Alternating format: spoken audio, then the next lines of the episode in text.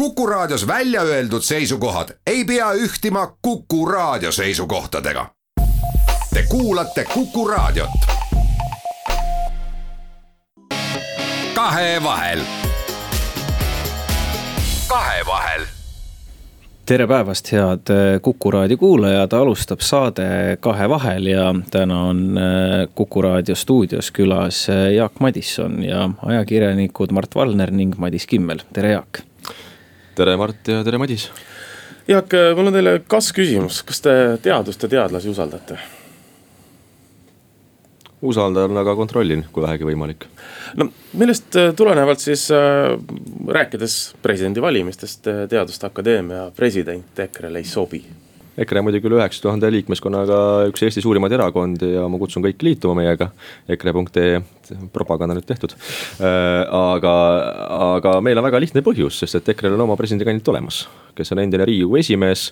piisava välispoliitilise kogemusega, ta on olnud ka eelmises riigikogu koosseisus väliskomisjoni liige, kui ka mina olin riigikogus ta on piisavalt olnud poliitikas, poliitilise kogemusega, ehk siis tal on olemas need kaks äh, suurt tugevat plussi, mida Tarmo Soomerel kahjuks ei ole. seetõttu meie seisame oma kandidaadi taga.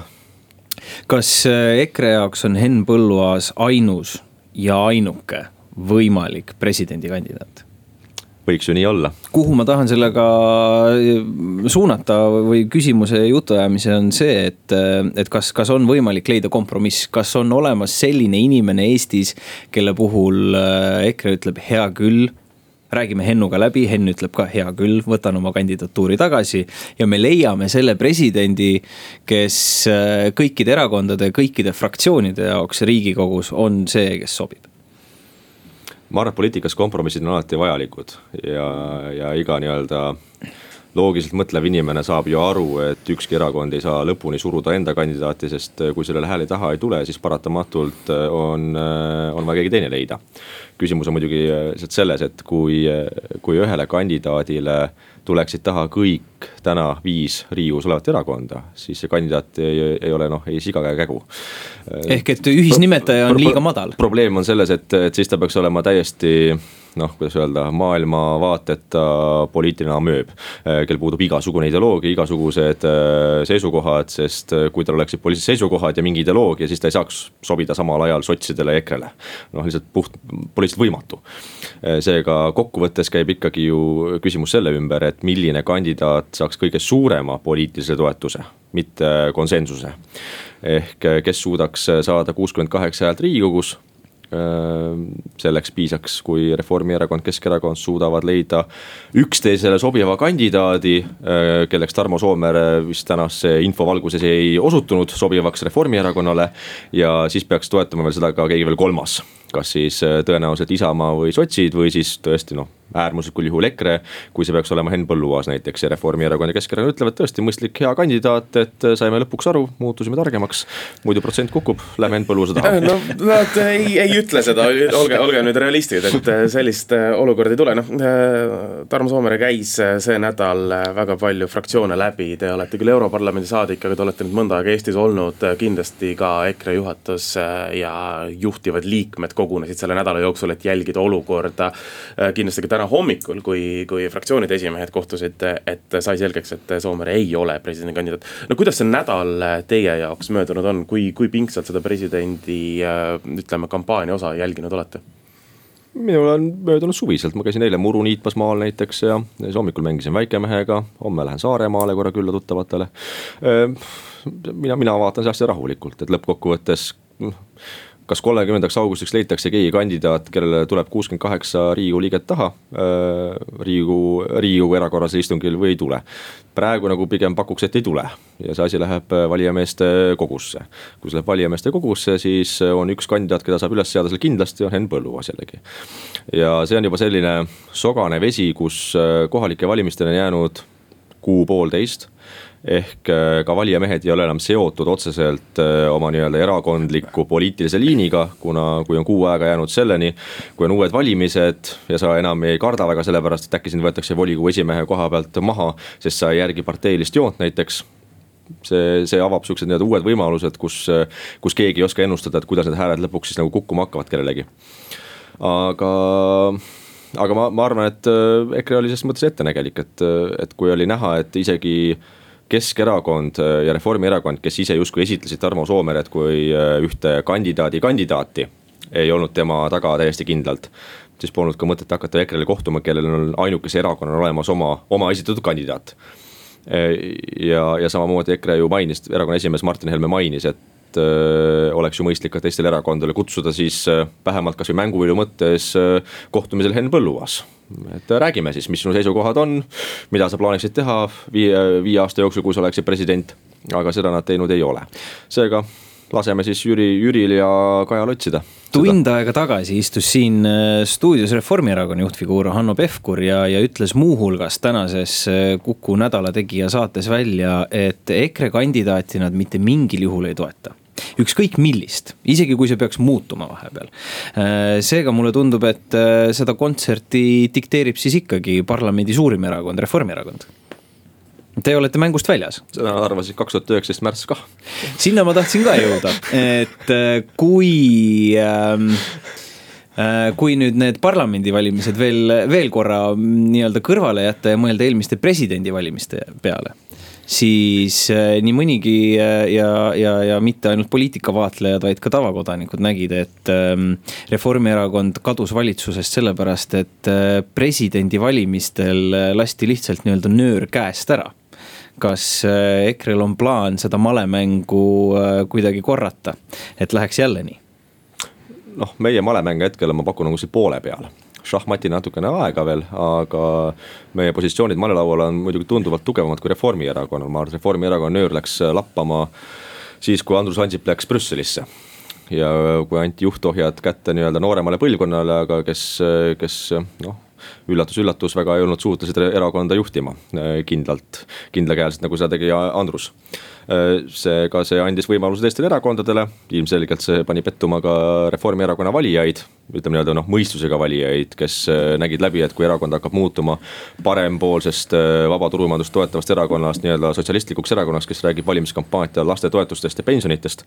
mitte ettevõtlusest või ettevõtluse arendamisest ka ääremaadel Eesti turukonkurentsi tõstmisest maailmas siis äh, need inimesed pettusid äh, ja on tulnud eelkõige just EKRE taha tegelikult, seda näeme ka reitingutes ja toetusnumbrites, mismoodi pea kolmandik väikeettevõtjaid toetab EKRE-t täna. ma olen siiski vaadanud valijate nii-öelda migratsiooni ja Reformierakonnast EKRE-sse liigub valijaid üsna vähe, pigem liiguvad nad targad ikkagi liiguvad, äh, Keskerakond ja EKRE, sellel suunal. seal on erinevad valijagrupid kelle nimel nagu võideldakse tegelikult, et äh, Keskerakonna tüüpvalija on olnud siiamaani ikkagi nii-öelda eelkõige maa, maaelanik, kes lootes siiamaani, et Keskerakond kaitseb äh, maaelanike huve nii-öelda keskklassi huve, kes teenib seal alla keskmise palga. Keskerakond nende õiguste eest väga ei seisnud, kui nad. Keskerakond olid... ehitab ju õiglast riiki kõigile seda üritati teha ka koos teie erakonnaga, kui ma õigesti mäletan. jah, ja EKRE kindlasti siluski väga palju asju, et õiglast riiki ehitada kõigile. Keskerakonna õiglane riik tähendab, ma kardan, pigem selline, et õiglane riik teatud ettevõtjatele, kes saaksid headel tingimustel laenu, kes. ja siis annetada Keskerakonnale mingi väike summake enne valimisi, see on õiglane riik nende jaoks kindlasti. no kas, kas Keskerakonna valijad ei tule teie taga ka sellepärast, et te teete venekeelset kommunikatsiooni natuke teistmoodi kui eestikeelset kommunikatsiooni? Jah, ma arvan, et ka venekeelne valija on aru saanud, et Keskerakond ei olegi see hea erakond, kes kaitseb äh, ka vene perekondade huve, kes kaitseks äh, ka vene perekondi selle eest, et nende tööd ei võtaks ära nii-öelda mingisugune uus odav tööjõud kuskilt Ukrainast või äh, kolmandast maailma riigist EKRE ütleb neile väga selgelt, et äh, jah, et me ei ole perfektsed venekeelse valija jaoks kõigis küsimustes, mis puudutab näiteks rahvusküsimusi äh,. immigratsiooni Venemaalt või mis puudutab äh, keeleõppe küsimusi, aga samal ajal me kaitseme teid äh, selle eest, et teie töökohta ära ei võeta Ida-Virumaal, kui põlevkivitööstus kinni tahetakse panna mingi kliimahulluse valguses äh, või, või kui teile tuleb äh, naabriks kümnepealine moslemi perekond kuskilt Iraagist, nagu nad Leetu üritavad minna või tuleb Ukraina odav tööjõud, kes võtab su töökoha ära, sest et äh, tööandja võib talle maksta kaks korda vähem palka kui sulle, Vladimirile. nii et äh, EKRE seisab äh, ka nende inimeste eest. kaks olulist teemat, millest me kindlasti tänases saates räägime, nii kliima kui ka Leedu piiril toimuv, aga. sellepärast ma meelega viisingi sinna. aga et presidendi teemadega lõpetada ja sellele joon alla tõmmata, siis kui teil oleks nüüd võimalus müüa selles mõttes ideena maha Henn Põlluaas kõikidele mitte ainult Eesti inimestele, vaid ka siis parlamendis olevatele erakondadele, siis mis see, mis see olema peaks, millega Keskerakond, Reformierakond ja ka sotsid võiksid öelda jah, okei okay,, Põlluaas on kõige parem sisuliselt me ei vaja sotside hääli, kui Keskerakond ja Reformierakond toetavad no,. millele siis, millega neile siis see maha müüa? aga, aga lõpuks ma arvan, et tegemist on puhtalt poliitilise pragmatismiga küsimus on ju selles, kas tänane valitsus, mis omavahel äh, kaklevad ikkagi päris korralikult, nagu kuluaarid räägivad, kas nad üldse püsivad koos järgmiste kohalike valimisteni. Äh, ka milline valitsus on aasta aja pärast, kas vahepeal võivad olla mingisugused vangerdused valitsuskoosseisus. Äh, ja, ja sinnamaani, kui toimuks valijameeste kogu septembri keskpaigas sinnamaani on veel piisavalt palju aega, et võiks veel midagi juhtuda. kui Reformierakond ja Keskerakond saavad ikkagi aru, et nad ei ole väga ilus abielupaar. ja tülitsevad liiga palju, et koos, koos edasi elada, seega ma ma ei nagu ruttaks sündmustest ette, ma arvan, et valijameeste kogu on selline koht, kus oleks võimalik äh, valida nii-öelda variantide vahel, et kes on vähem halvem, et lõppkokkuvõttes äh, sama asi on ju nagu riigikogu valimistega. et tihti inimesed ei vali ju seda, et oh, see erakond on nüüd kõige parem ja sada protsenti õige minu maailmavaatega, tihti valitakse erakonda sellepärast, et paremat lihtsalt ei ole. ja sama asja ma ütleks ju ka äh, kasvõi iseenda kohta või konservatiivse rahvaerakonna kohta, et kindlasti ei ole keegi perfektne, aga meie oleme vähem hullud kui need teised no ega valitsuse vahetus ei muuda ju äh, riigikogu koosseisu selles osas, et teil on täpselt nende samadele Reformierakonna ja Keskerakonna saadikutele vaja seesama Henn Põlluaas maha müüa ja, aga valijameeste kogus on sul sada üks riigikogu liiget ja lisaks sellele veel umbes kakssada valijameest kohalikest omavalitsustest. Äh, ja kohalikes omavalitsustes kindlasti ei järgita niivõrd tugevasti parteilist liini, vaid seal võivad juba minna hääled ujuma siia või sinnapoole. ja seal on palju raskem kontrollida, et kuidas need valijamehed näiteks äh, Kohila vallast või Järva vallast tegelikult ka hääletasid aitäh, Jaak Madisson, teeme ühe kiire pausi ja siis jätkame peale seda. kahevahel. kahevahel kahe vahel jätkab äh, stuudios siis saatejuhid Mart Valner ja Madis Kimmel ja meil on külas Europarlamendi saadik Jaak Madisson. kui äh, vaadata Leedu poole ja Leedu-Valgevene piiri peale, siis äh, seal on piiri umbes kuussada kilomeetrit ja, ja nüüd üsna lühikese ajaga on sealt üle tulnud neli tuhat, rohkem veel äh, põgenikku, keda tegelikult Valgevene smuugeldab äh, Lähis-Idast ja, ja, ja tegeleb sellise hübriidrünnakuga. Äh, ma arvan, et kõik eestlased vaatavad seda olukorda üsna murelikult. Mm, Jaak Madisson, millised on teie muljed, et kuidas seda asja vaadatakse Brüsselist, kuidas vaadatakse nii-öelda Euroopa Liidus seda ja mida seal räägitakse? hetkel ei olegi väga palju räägitud sellest, sest äh, juuli algusest hakkas kõik minema sellisele nii-öelda suvepuhkuse meeleolule. ja ei ole toimunud äh, nüüd viimase kuu jooksul ka parlamendi täiskogu istungeid kus äh, on debattidena tavaliselt laual siis kõige põletavamad küsimused. ja seetõttu ma arvan, et nüüd septembri keskel tuleb parlamendi täiskogu kokku jälle Strasbourgis ja küllap siis kindlasti on see debatt nii-öelda ka Euroopa Parlamendi laua peal. hetkel Euroopa Komisjon, äh, nii palju, kui ma olen äh, jälginud äh, avalikku infot, on selle teemaga tegelenud mingil määral. siseasjade volinik Ilva Johanson käis ka Leedus eelmine nädal külas kus ta tegi täiesti erakorralise avalduse. ma lugesin ja imestasin ja ei suutnud uskuda, et see on Ilva Johanson, kes seda ütleb, et Leedu peabki ehitama tara Leedu peab ehitama tara, et tõkestada illegaalset sisserännet sest siiamaani, kui on olnud äh, küsimuse all samasugune immigratsioon näiteks üle Vahemere Itaaliasse või üle Egeuse mere Türgist Kreekasse, kus Türgi on noh, käitunud täpselt samamoodi nagu Valgevene täna teeb ja smuugeldanud äh, tuhandeid migrante Kreekasse. siis Euroopa Komisjoni seesama siseasjade volinik Ilva Johanson on rääkinud, mismoodi neid inimesi tuleb aidata, neid tuleb vastu võtta. meil tuleb hakata neid ümber jagama, me peame olema solidaarsed ja et neid inimesi on väga-väga vaja, sest me oleme vananev rahvastik Euroopas ja meil on töökäsi vaja. justkui siis nii-öelda noh, kahekümne aastane hariduseta migrant kuskilt Iraagist oleks kõva siis äh, kvaliteetne tööjõud meile. Äh, aga see seisukoha totaalne kardinaalne muutus nüüd Leedu kontekstis, et see on olnud nagu üllatav, kuidas Euroopa Komisjon on võtnud sõna ja ma arvan, et see on samas väga positiivne. kuigi ma ei ole väga kindel, et kas Silva Johanson ka seda päriselt nagu usub, et ta pigem on olnud ikkagi selline väga nii-öelda avatud piiride pooldaja.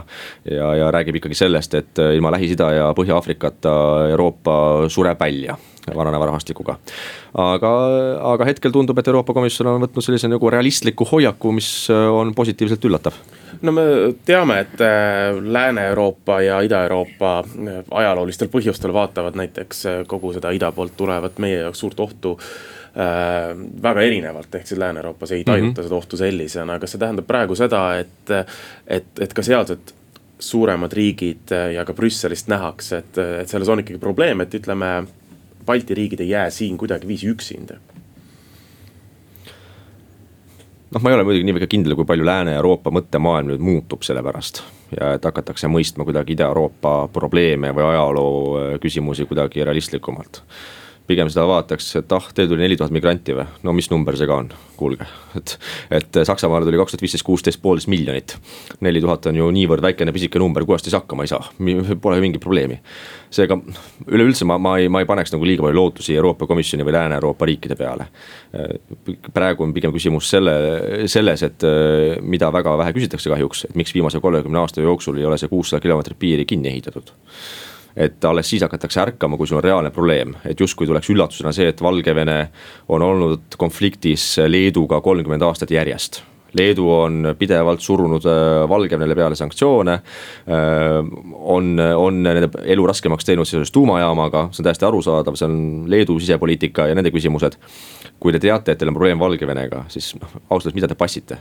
Äh, sama küsimus nagu eestlastele ja nüüd lätlastele, nüüd Läti hakkab erakorraliselt kiiresti ehitama oma piiri välja. et vähemalt füüsilist tõket, et sa ei pea sinna panema kõige moodsamaid GPS seadmeid või valvekaameraid. sa pead panema selle füüsilise tõkke, et sul oleks võimalik lihtsalt punktist A punkti B üle piiri astuda 보다. Füüsiliselt. ja sama asi küsimus eestlastele, et, et me oleme kolmkümmend aastat nagu äh, lihtsalt heietanud selle, selle üle, et, et kuidas ikka ei ole raha, kuidas, kuidas meil ei jää kakssada, kolmsada tuhat eurot. et ehitada jälle kiiremas korras mingisugune füüsiline tõke ülesse ja me ootame justkui nii-öelda sama probleemi kordumist, mis täna Leedus toimub. ja siis alles avastame, et oi, aga meil on ka vaja hakata okastraati üles seadma, seda tuleks täna teha, mitte oodata sama probleemi kordumist. piirist, äh, okastraadist äh, ja sellest, mismoodi migratsiooni tõkestada, räägime me saates Kahe vahel edasi pärast pausi pausi. kahevahel. kahevahel ja kahevahel jätkub stuudios siis äh, saatejuhid Mart Valner ja Madis Kimmel, külas meil Europarlamendi saadik äh, Jaak Madisson me viisime enne pausi jutu äh, sellele, mis toimub Leedus ja, ja kui, äh, kui mõelda selle peale, kuidas Leedu on nii-öelda Valgevenega olnud konfliktis kaua aega, aga ütleme, et äh, kui vaadata nii-öelda Valgevene rahva ülestõusu viimase aasta jooksul on Leedu olnud üks häälekamaid riike, mitte ainult Baltikumis või Euroopas, vaid terve, terves maailmas. kes on ähm, Lukašenka vastu sõna võtnud, siis Jaak, kuidas tundub teile, kas see, mis Leedu piiril toimub, on lihtsalt kättemaks ja muud ei midagi või, või on siin midagi veel taga? põhiliselt kättemaks, ma arvan küll asi eskaleerus ikkagi palju hullemaks eh, siis, kui eh, Lukašenko võttis alla Ryanairi rahvusvahelise lennu, et sealt üks eh, opositsionäärist ajakirjanik kinni panna. see oli see põhiline nagu see punase joone ületamine, et siiamaani ikkagi noh, Valgevene kohta küll tehti karmi sõnu ja kritiseeriti, aga siiski jäeti neid suhteliselt rahule et okei okay,, me pole nõus teie valimistulemustega. siin käib Tsihhanovskaja, kes väidab ennast valimiste võitjaks olevat, mida ta muidugi ei olnud jällegi, sest meil pole ju objektiivseid valimistulemusi, et võrrelda, et kumb siis võitis, Tsihhanovskaja või Lukašenka. Aga, aga sisuliselt nagu midagi hullu ei olnud tegelikult, sest ka Lääne-Euroopast on mitmeid näiteks ütleme meditsiinifirmasid, kellel on olemas äh, tööstustehased Valgevenes. eks see äri toimis mingil määral, aga see, et kui sa võtad ka rahvusvahelise lennu maha siis see oli juba selline, et noh, pagan nagu see on nagu liiga palju juba. ja siis muidugi Leedu kasutas ära, et panna võimalikult palju hagu alla valgevenelastele. nõuda uusi sanktsioone, sanktsioonid pandi peale, see muidugi majanduslikult lõi neid väga kõvasti. ja siis Lukašenko mõtles, et okei okay,, aga mis seal ikka, ah teil pole piiri siin või kuulge, kui teil on mets ja võsa, siis äh, paneme erilennud käima, otse sealt äh, Bagdadist lendavad Minskisse ja Minskist anname suuna kätte ja transpordime need migrandid teile piiri peale, las tulevad ja siis hakkame lavastama siin mingite migrantide surmasid ka, et justkui leedukad peksid kellegi surnuks ja. ja siis ta suri seal Valgevene piirivalvurite käte vahel. noh, kõlab sihuke nagu tõelise draamana et põhimõtteliselt see on praegu sihuke korralik hübriidrünnak äh, Leedu vastu. aga samal ajal muidugi noh, leedukad oleks pidanud ka mõistma, et, et mida hullemaks äh, konflikt läheb ja mida rohkem seda eskaleeritakse mõlemalt poolt, seda rohkem peab olema valmis igasugusteks arengu, arenguteks. me saadame Leedu, Leetu appi äh, inimesi, aga ka magamiskotte ja okastraati, kas see on piisav? ma arvan, et see on piisav tänasel päeval. tõsi ka? ma arvan küll. ehk et see neli tuhat inimest, kes sealt on juba üle tulnud, ma arvan, et ilmselt tuleb siit varsti veel ja veel, nad peavad kuhugi kõik liikuma tänasel päeval liiguvad nad sinna migrandilaagritesse, pannakse kinni. piir on viis tuhat, Leedu on ise öelnud, et nemad üle viie tuhande ei saa, me räägime siin äh, väga, väga väikesest äh, ütleme veel, veel puhvrist, enne kui nad äh, asutatakse ümber siis solidaarsusmehhanismidega ülejäänud Euroopasse, kaasa arvatud Eestisse. Balti õed ikka aitavad üksteist selles mõttes, et siin on nagu ütleme kahe otsaga asi, et ühest küljest, kui tänane valitsus sellega nõus oleks ja oleks nõus hakata, hakkama ümber paigutama need, siis ma arvan, et EKRE valimisvõit äh, oleks enam kui kindel. seetõttu ma võiks justkui öelda, et jah, et oleme sellega nõus, et me saaksime seda kasutada poliitiliselt äh, kohe vastu ära, sest me ütleme, et me sellega nõus ei ole. solidaarsus äh, nii-öelda oma liitlaste vahel on ilmselgelt vajalik ja seetõttu ma kuskil ka kirjutasin kommentaaris, et et see, et me saadame oma politseiüksuse sinna piiri peale, see, et me anname neile tehnilist abi, me anname ka majanduslikku abi, see on üks osa sellest nii-öelda solidaarsusest. aga solidaarsus meie jaoks lõpeb seal, kus me peaksime hakkama neid ümber paigutama äh, oma pinnale, seetõttu. kas see ei aita... ole ka kõige lühema otsa mäng? ega see põgenike vool ju ei lõpe? muidugi lõpeb mida kiiremini okastraati püsti panevad, seda kiiremini lõpeb. mida kiiremini pannakse äh, Vilniusest äh, samasugune erilend äh, Bagdadi vahet käima tagasisuunaga, seda kiiremini see lõpeb. lõppkokkuvõttes kõik need migrandid, kes tulevad ja nad on tulnud viimased viis-kuus aastat eriti suurte vooludena Lõuna-Euroopasse kui ma käisin kaks tuhat viisteist, kuusteist Lesbose saarel, kuhu olid jõudnud täpselt samasugused noored tugevad mehed, kes kõik rääkisid, mismoodi nad sõjas põgenevad, kuigi sõjakollet nende riigis ei ole siis oli selge, et nad tegemist on majandusmigrantidega, kes äh, kasutavad äh, inimkaubitset abi. Nad maksavad neile umbes noh, seal vahemikus tuhat kuni kolm tuhat dollarit. Nad transporditakse Euroopa pinnale ja siis nad teevad siin, eks ole, noh kutsiga silmad pähe ja räägivad, eks ole, mismoodi nad abi vajavad. aga noh, et, et kui nad saavad asüüli, siis nad kutsuvad kõik oma õed, vennad, lellepojad ka siia kaasa, sest seda ju lubab, eks ole, need Euroopa Liidu põhiõigused. aga see vool hakkas kohe katkema, kui katkeb inimkaubitsejate liin, sest migrandil ei ole mõistlik maksta mitu tuhat dollarit inimkaubitsejale, kui tal puuduvad kanalid, et transportida ta Euroopa pinnale. see, seda me nägime kaks tuhat seitseteist, kaheksateist ka Itaalias, kui siseministriks sai Matteo Salvini Äh, kes lihtsalt keelas äh, mitte Itaalia alustel randuda Itaalia sadamates, kus olid peal siis sajad või tuhanded migrandid. sest öeldi, et pole Itaalia alus, sadamasse ei saa, minge kus tahate. et ausalt öeldes sõitke tagasi Liibüasse, kui tahate. ja, ja kohe see vool katkes, kohe katkes, sest et põhimõtteliselt ütleme, inimkaubandused polnud, et avasid, kust hakata inimesi sisse transportima. sama asi on Leeduga, et kui sa põhimõtteliselt paned nad äh, sealt suletud nii-öelda poolvanglasse ootama nii-öelda tagasilendu äh, Bagdadi, siis põhimõtteliselt äh, sa võtad ühe kanali kohe ära ja sealt ka see surve peaks vähenema. kas see ei ole mitte see, et sa tekitad ühe kanali juurde, kust inimesi lihtsalt tagasi saata, kanal, kust nad tulevad, on ju siiski äh, Iraak, Afganistan, nüüd räägitakse ka Marokost äh, Valgevenesse ja sealtkaudu. kuussada kilomeetrit no, ei ole päris selline noh, seda on ikka päris palju ja okastraati ei ole kuigi keeruline ka läbi lõigata.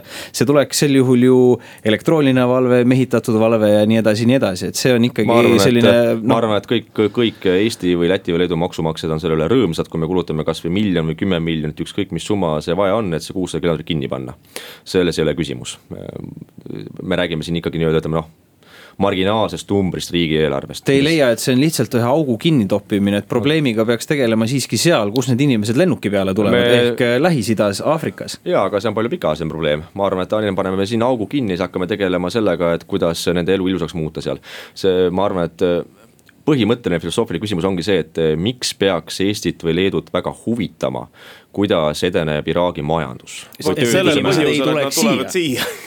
see, on ju ülilihtne, see on ju üliloogiline. ei, ei vastu, vastu, vastupidi, meie ei ole siin maailma päästjad, meie ei pea muretsema selle pärast, et eh, Iraagi eh, poliiteliit on korrumpeerunud. et nad ei oska enda majandust üles ehitada, see ei ole meie mure. aga mis te arvate, kuhu need inimesed lähevad siis? aga minge, kus tahavad. ma tean, Euroopasse. aga mitte Eestisse või Leedusse Leedusse. aga, aga kohapealne ränne on ju veel suurem, me ju räägime ja. siin sadadest ja tuhandetest ja isegi miljonitest, paarist miljonist inimesest Saksamaa.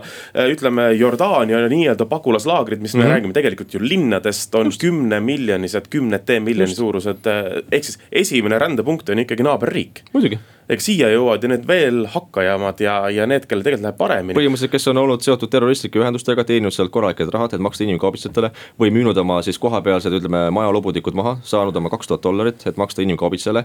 et ta saaks Euroopasse, sest noh, Euroopas äh, sa võid rahulikult elada, ilma et sa peaks tööle minema. jaa, aga ta läheb seal mingil põhjusel, tuleb ta sealt ju ära, lõpptulemus on. majanduslikud põhjused ja see ongi see küsimus, et, et kas ühe koma kolme miljoni elanikuga Eesti või circa kolme miljoni elanikuga Leedu peavad hakkama päästma tervet Iraaki, Afganistani ja kõiki muid, eks ole, nii-öelda ütleme noh, läbi kukkunud riike, kes põhimõtteliselt ei olegi suutelised mitte midagi üles ehitama. ma arvan, et see ei ole meie mure, meie mure on praegu muretseda oma piiri pärast, see kuussada kilomeetrit kinni panna, et see kanal lihtsalt sulgeda, et ta lihtsalt ei saaks üle piiri tulla no,. ehk Euroopa et tegeleme Liit... sümptomi, mitte mm, nii-öelda asja väljajuurimisega, ravimisega. ma arvan, et algpõhjusega peavad tegelema kohapealsed riigid ise. Euroopa Liidul on missioon seal kohapeal näiteks äh, te olete Iraagis olemas, mida te teete seal siis, kui, või mida meie Euroopa Liiduna seal siis teeme, kui me ei tegele sellega? kui ausalt, kui ausalt äh, öelda, siis tegeldakse sellega, et saaks ise öösel rahulikult magada. et tuntakse head meelt, et me oleme jälle lükanud mõne miljardi Euroopa Liidu maksumaksja raha kuskile läbi kukkunud riiki. mida nad justkui peaksid kasutama eesmärgipäraselt, et edendada oma majandust, vähendada tööpuudust, võidelda korruptsiooniga aga tegelikult noh, see läheb nagu ikka, kasvõi Aafrika toredates kuningriikides uue Mercedes ostmiseks või endale uue villa ehitamiseks sisuliselt äh, päris abivajajateni või päris nii-öelda majanduse ehitamiseni sealt äh, enamus raha kindlasti ei jõua. ja see ongi Euroopa Liidu üks suurimaid probleeme ja läbikukkumisi, äh, sest me suuname sinna täiesti mõttetult ja tarbetult suuri summasid, ilma et me sealt mingisugust kasu saaksime. sest migratsioonivoolu see peatunud ei ole ja migratsioonivool voolab nii kaua, kui Euroopa Liit seda laseb toimuda, oma lõunapiiril eelkõige. Leedu, Läti, Eesti, ma arvan, et oleks pidanud varem mõtlema selle peale, aga noh, parem kui mitte, parem hilja kui mitte kunagi. ja ma arvan, täna on see juba viimane päev, kui peaks mõtlema ka siseminister ja peaminister väga tõsiselt selle peale, et eraldada riigieelarvest vajalik summa osta see okastraat, panna see füüsiline tõke ülesse koos kõikide kasvõi tulede vilede ja GPS seadmetega, kui seda vaja on. et äh, see probleem ei kanduks edasi Valgevene-Leedu piirilt Venemaa-Eesti piirini. kui ma õigesti mäletan, siis äh, säärase piiri ehitamine oli Eestis käsil seni, kuni äh, tuli valitsusse EKRE oli vist valesti nii. mäletate, vaata see, see, see, mida EKRE tahtis ja mida, mida tahtis kindlasti siseminister Mart Helme, mida ma ise väga hästi mäletan. mis käis ka meedias korduvalt läbi, oli see, et ehitada kiiremini, aga lihtsam piir.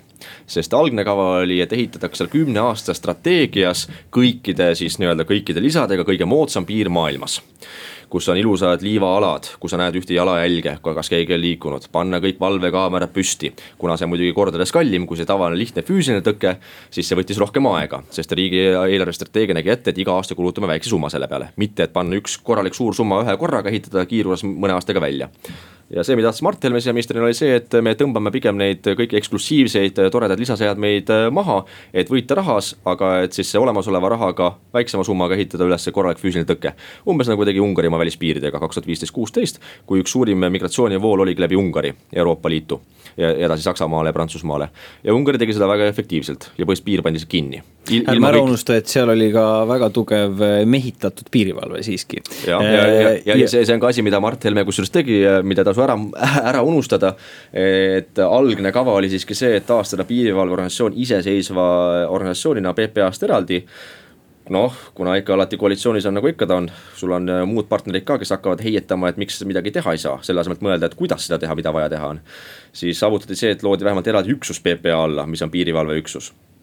ja selleks on ka vaja Eestis mõelda, et tegelikult, kui sul tuleb reaalne probleem piiri peale, sul on see füüsiline tõke ehitatud teoorias, aga lisaks sellele on sul vaja ka reaalselt ütleme mehitada eh, see piir, vähemalt selleks perioodiks, kui see surve hakkab sinna peale tulema.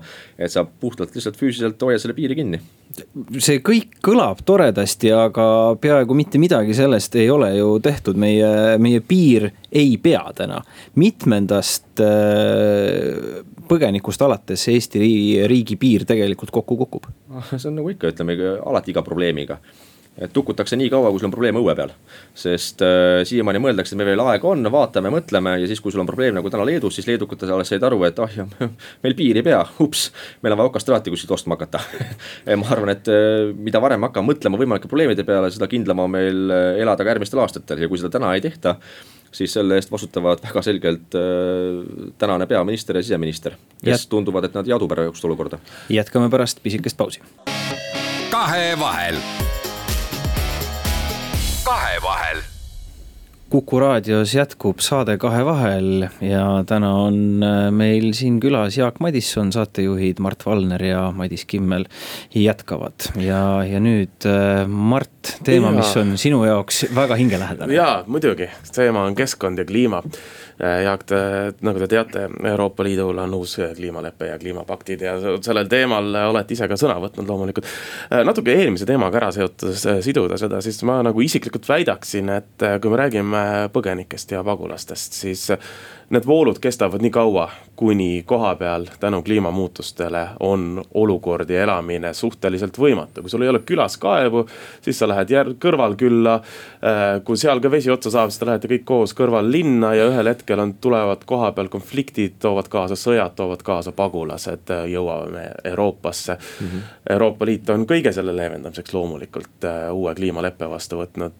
Te ei ole sellesse, ei suhtu sellesse väga positiivselt just jah, sest ka teie käsitlus oli väga selline lihtsakoeline ja, ja väga kuidagi demagoogiliselt kokku võetud, kus pooled asjad muidugi kahjuks tõele ei vasta. esiteks tänased migra-, migrandivoolud, kui me räägime majandusmigrantidest, kes pole rahul kohapealse eluga ja unistavad pigem sotsiaaltoetustest Saksamaal, kuhu tuua oma perekonnad järgi, ei ole mitte kliimamuutuste tõttu see on ikkagi puhtalt majanduslikud põhjused ja, ja sisepoliitilised põhjused, miks nad ei ole suutnud tagada endale võimalikult head majanduskeskkonda. põhjused tulevad ju kliimamuutustest, kui sul ei saa teha põllumajandust, siis, siis sa. see muidugi ütleb, noh, esiteks meil on vist kümme minutit aega, ma üritan võimalikult seda kompaktselt kokku võtta keskmisele kuulajale võimalikult arusaadavalt. esiteks, kliima muutub alati, ta on alati muutunud, ta jääb muutuma. me võime panna oma põlevkivitööstuse kinni, me, meie CO2 heide näiteks maailmas on null koma null viis protsenti ma kahjuks arvan, et mitte ükski migrant ei jäta tulemata Iraagis sellepärast, kui me sulgeme põlevkivitööstuse ja hakkame importima energeetikat välisriikidest ja selle maksab kinni Eesti maksumaksja mitte ükski migrant ei jäta tulemata selle pärast ja selle tõttu ei vähene ka CO2 heide globaalselt. ka Euroopa Liit võib kehtestada CO2 maksud, äh, võib siin keela-, tahta keelata aastast kaks tuhat kolmkümmend viis äh, uute diisel- ja bensiinimootoril töötavate autode müügi ka see ei mõjuta äh, CO2 heiteid. see ei vähenda kuidagi migratsiooni, see ei paranda maailma kliimat Äh, sest äh, esiteks, me võime proovida teha, mida me tahame, lõppkokkuvõttes on küsimus selles, et äh, no ütleme nagu ikkagi ütleme, ärimehed ütlevad follow the money. vaata, kuhu raha läheb ja kes sellest kõige rohkem võidab sellest ei võida mitte kliima, vaid võidavad teatud tööstusharud, kes on tabanud praeguse kuldse soone ja selle massihüsteeria. mis räägib sellest, mismoodi taastuvenergeetika on maailma tulevik ja sellega annab kõige rohkem raha teha oota, aga mis me siis tegema peame, mis see lahendus on? Ma arvan, et lahendus on see, et meie peame siin keskenduma sellele, et kui sa hakkad uut maja ehitama, siis pane sinna kliimaseade sisse. sest kui tuleb kolmkümmend viis kraadi kuuma, siis sa ei peaks üllatuma, et on suvi, on juuli ja august. kus ongi ka kolmkümmend viis kraadi sooja ja sa ei pea siis äh, magama öösel oma majas niimoodi, et sa üleni higistad. ma saan aru sellest, et äh, migratsioonivoo me paneme kinni sellega, et me ehitame tara ette, aga Just. kliimale me ei saa ehitada tara ette, see on saa. ju võimatu, see on põhimõtteliselt see ongi, võimatu. see ongi, see ongi ja see ongi põhimõtteline ka pikaajaline probleem, millele lahendust leida on praktiliselt võimatu tänasel päeval. sest äh, kliima muutub me näeme seda viimase kahekümne kolme aasta põhjal, jah, ta muutub. lihtsalt see, kus on nüüd vaidluskoht, on see, et kui palju inimene seda reaalselt mõjutab kliimamuutust. ja kui palju saaks inimene kliimamuutust takistada, see on see vaidluskoht, et mida me saame teha ja kui palju see reaalselt on ka efektiivne, see päriselt toimib. sest äh, kliimamuutus ei ole midagi erakorralist, et kliima muutub, et äh, nii nagu ma ennem ka saatejuhile mainisin Äh, kus on väga hea ülevaade ajaloolisest kliimamuutusest, mis on pannud rahvad liikuma, migratsioonivoolud üle kontinendi. üle ja kogu globaalselt. Oxfordi ajaloolase poolt kirjutatud siiditeed, soovitan lugeda kõigil. mis väga hästi kirjeldab kogu maailma arengut, maailma majandust, Aasia riikide tõusu, Araabia riikide edukust kaubanduses vara keskajal. Ja sellest, kuidas näiteks neljandal sajandil kogu glo-, globaalset kliimat tabas totaalne kliimamuutus. olidki üleujutused, siis olid põuad, see pani liikuma erinevad rahvad uusi asumaid otsima, see on paratamatu, sama asi toimus neljateistkümnendal sajandil, samamoodi kõik kordus tol hetkel ei saanud keegi rääkida sellest, et inimene eritab liiga palju CO2. aga Või praegu et, saab ja Jaak Madisson, te ise ütlesite, väide... te ise ütlesite, et te usaldate teadlasi, teadlased ütlevad. ma usaldasin, ma kontro-, ma kontrollin ka. ja teadlased võite ka kontrollida, aga Just. teadlased ütlevad, et äh, praegune kliimamuutus äh, näeb oma mudelites välja täpselt selline nagu inimtekkeline kliimamuutus. jah Nad võivad seda väita ja samamoodi mul on teisi teadlasi, keda ma võin ka tsiteerida, eks ole. kes väidavad samamoodi, et inimtekkeline kliimamuutus on olemas, aga see on marginaalne ja see ei mõjuta kogu globaalset kliimamuutust sellisel määral, et me saaksime seda takistada, vaid meil tuleb selleks valmistuda. kui, kui me võtame, et kliima ei muutu või et inimene ei mõjuta kliimat nii palju, siis võt, võtame selle teema pisut laiemalt, räägime keskkonnast. see mm, -hmm. kui palju on inimene suutnud hävitada looduslikku keskkonda viimase sajandi jooksul, on hämmastav äh, või, või kui, kui me vaatame ka seda praegu, mismoodi näiteks inimesed, kes, kellele meeldib avokaadot süüa, jätavad ülisuure CO2 jalajälje keskkonnale, mitte ainult transpordiga, vaid ka sellega, et, et lihtsalt nende viljade kasvatamiseks raiutakse maha tohutul hulgal metsasid. metsad mm -hmm. tähendavad liigirikkust ja, ja see kõik mõjutab seda pisikest planeeti, kus me elame. siin ei ole ju Eesti üksinda, me oleme selles suures peres nii-öelda, me oleme selle ühe sama Nõus. äh, kuulikese peal. absoluutselt. ja, ja, ja, ja miskit tuleb ette võtta. ma olen sellega nõus ja, ja see ongi, ütleme, probleemide rägastik, kus leida nii-öelda ühtset toimivat lahendust, mis äh, peataks kliimamuutused, ei ole olemas. seda ei ole olemas, sest lõppkokkuvõttes esimene probleem, millest kõik algab, on rahvastiku arv kui sul on kaheksa miljardit inimest maa peal, mis on viimase saja aasta jooksul kolmekordistunud, veelgi rohkem. ja seda jätkab kasvu ja jätkab kasvu eelkõige tänu Aafrika riikidele, siis see ongi üks probleemi tuumallikas kuidas peatada rahvastiku arvu kasv. aga seal on see küsimus, et me ei saa võtta nagu positsiooni, nagu eelmisel aastal üks Soome teadusajakiri pani endale esikaanele ühe väikse valge beebi ja pealkirjaks, et äh, lapse saamine hävitab maailma ja keskkonda et ei, probleem ei ole selles, et äh, eestlased või soomlased või eurooplased saavad lapsi, me saame liiga vähe lapsi, me väheneme rahvastikku. probleem on see, et Aafrikas on keskmine laste arv kümme inimest, see on probleem. mis tekitab selle probleemi, aga nad kõik tahavad elada, nad tahavad süüa, nad tahavad tarbida. Nad vajavad endale ümber keskkonda, millest tarbida ja see vähendab jällegi kõiki oma ressursse, mida me kasutame ja kuhu nad tulevad? häda ongi selles, et paneks äkki piiri nagu laste sündimusele, kui me tahame aidata nii-öelda Aafrika majandust, siis kingiks äkki hästi palju alguses kondoome. kas seda, mitte, seda, kas seda mitte pole proovitud? seda on ja jaa seda korduvalt. aga lõppkokkuvõttes ongi see asja nagu selgeks tegemine, et kui te keerate oma riigid tuksi kui te ise olete selles süüdi, siis te ei saa vaadata nii-öelda sakslase või eestlase poole, et tulge nüüd aidake meid. me siin nälgime surnuks või meil pole vett, sest me ise oleme selles süüdi. ma arvan, et äh, Eesti inimene ei pea tundma ennast süüdi globaalsete probleemide eest, et meie oleme justkui vastutavad selle eest. aga teine küsimus, mis puudutab muidugi seda äh, kõikide liigirikkust ja metsade küsimust, see on väga tõsine probleem ja seal ma näen ka probleemi selles samas kliimapaketis mille, millega Euroopa Liit tuli välja, see fit for fifty five, mis on muidugi väga halb sõnastus, et see on justkui nagu, et noh, et viiekümne viie aastaseks saades oled sa nagu heas vormis äh,. muidu oled ülekaaluline seal ei ole toodud, see on üle kolme tuhande leheküljeline pakett ja niikaua, kui ma tutvusin seda noh, põgusalt, seal pole mitte ühtegi reaalset analüüsi, et mis juhtub siis majandusega globaalselt, mis juhtub meie konkurentsivõimega, mis juhtub äh, ettevõtjatega, kui me kõik need plaanid ellu viime. kui me keelame bensiinimootoriga autod, kui me paneme kinni äh, siis äh, näiteks põlevkivitööstuse ja selle asemel hakkame importima hoopis täpselt sama reostavat energialiiki, näiteks gaasi Venemaalt. pole mitte ühtegi lahendust analüüsi seal taga ei ole ja seal nähakse ka rohelise energiana biomassi. siis mida rohkem metsa maha võtad, lükkad selle ahju, see on justkui roheline energia see nagu lühinägelik vaatamine, et kuidas, see ei saa olla. et, et selle, selles mõttes ma olen nagu, ma ei ole paduroheline, aga samas ma ei ole ka nagu äärmuskapitalist, kes ütleks, et. et mida rohkem me metsa maha võtame, seda parem on, et kindlasti mitte, see asi peab olema jätkusuutlik ja, ja balansis. et me võtame seda maha nii palju kui vaja, me väärindame seda koha peal, kasvõi tselluliitehastega, seal ma olen täiesti tselluliitehaste poolt näiteks. et ma ei näe mõtet müüa toorpalki välja Rootsi, kus see väärindatakse ümber ja müüakse kolmekordse kasumiga hoopis kolmandasse riiki. ja me, me saame selle need sandikopikad nii et siin oleks vaja nagu mõistlikku tasakaalu ja ka kuulata teadlasi, aga samas teadlaste häda tihti on see, et nad võtavad ühes spektris, ühes kitsas valdkonnas oma arvamuse. et kui me teeme seda, siis see on väga halb, arvestamata muid eluvaldkondi, muid majandus-sotsiaalseid probleeme ja küsimusi, mida see omakorda mõjutab. seetõttu ma arvan, et poliitikute küsimus on see, et kuidas panna kokku üks mosaiikpilt erinevatest tükkidest ja lõuda jõuda selle mõistliku keskteeni, mis võiks olla rahuldav tervele ühiskonnale, vähemalt Eesti kontekstis Eesti inimestele kõige kasulikum. Jaak Madisson, aitäh teile täna tulemast. aitäh kutsumast. aitäh. kahevahel. kahevahel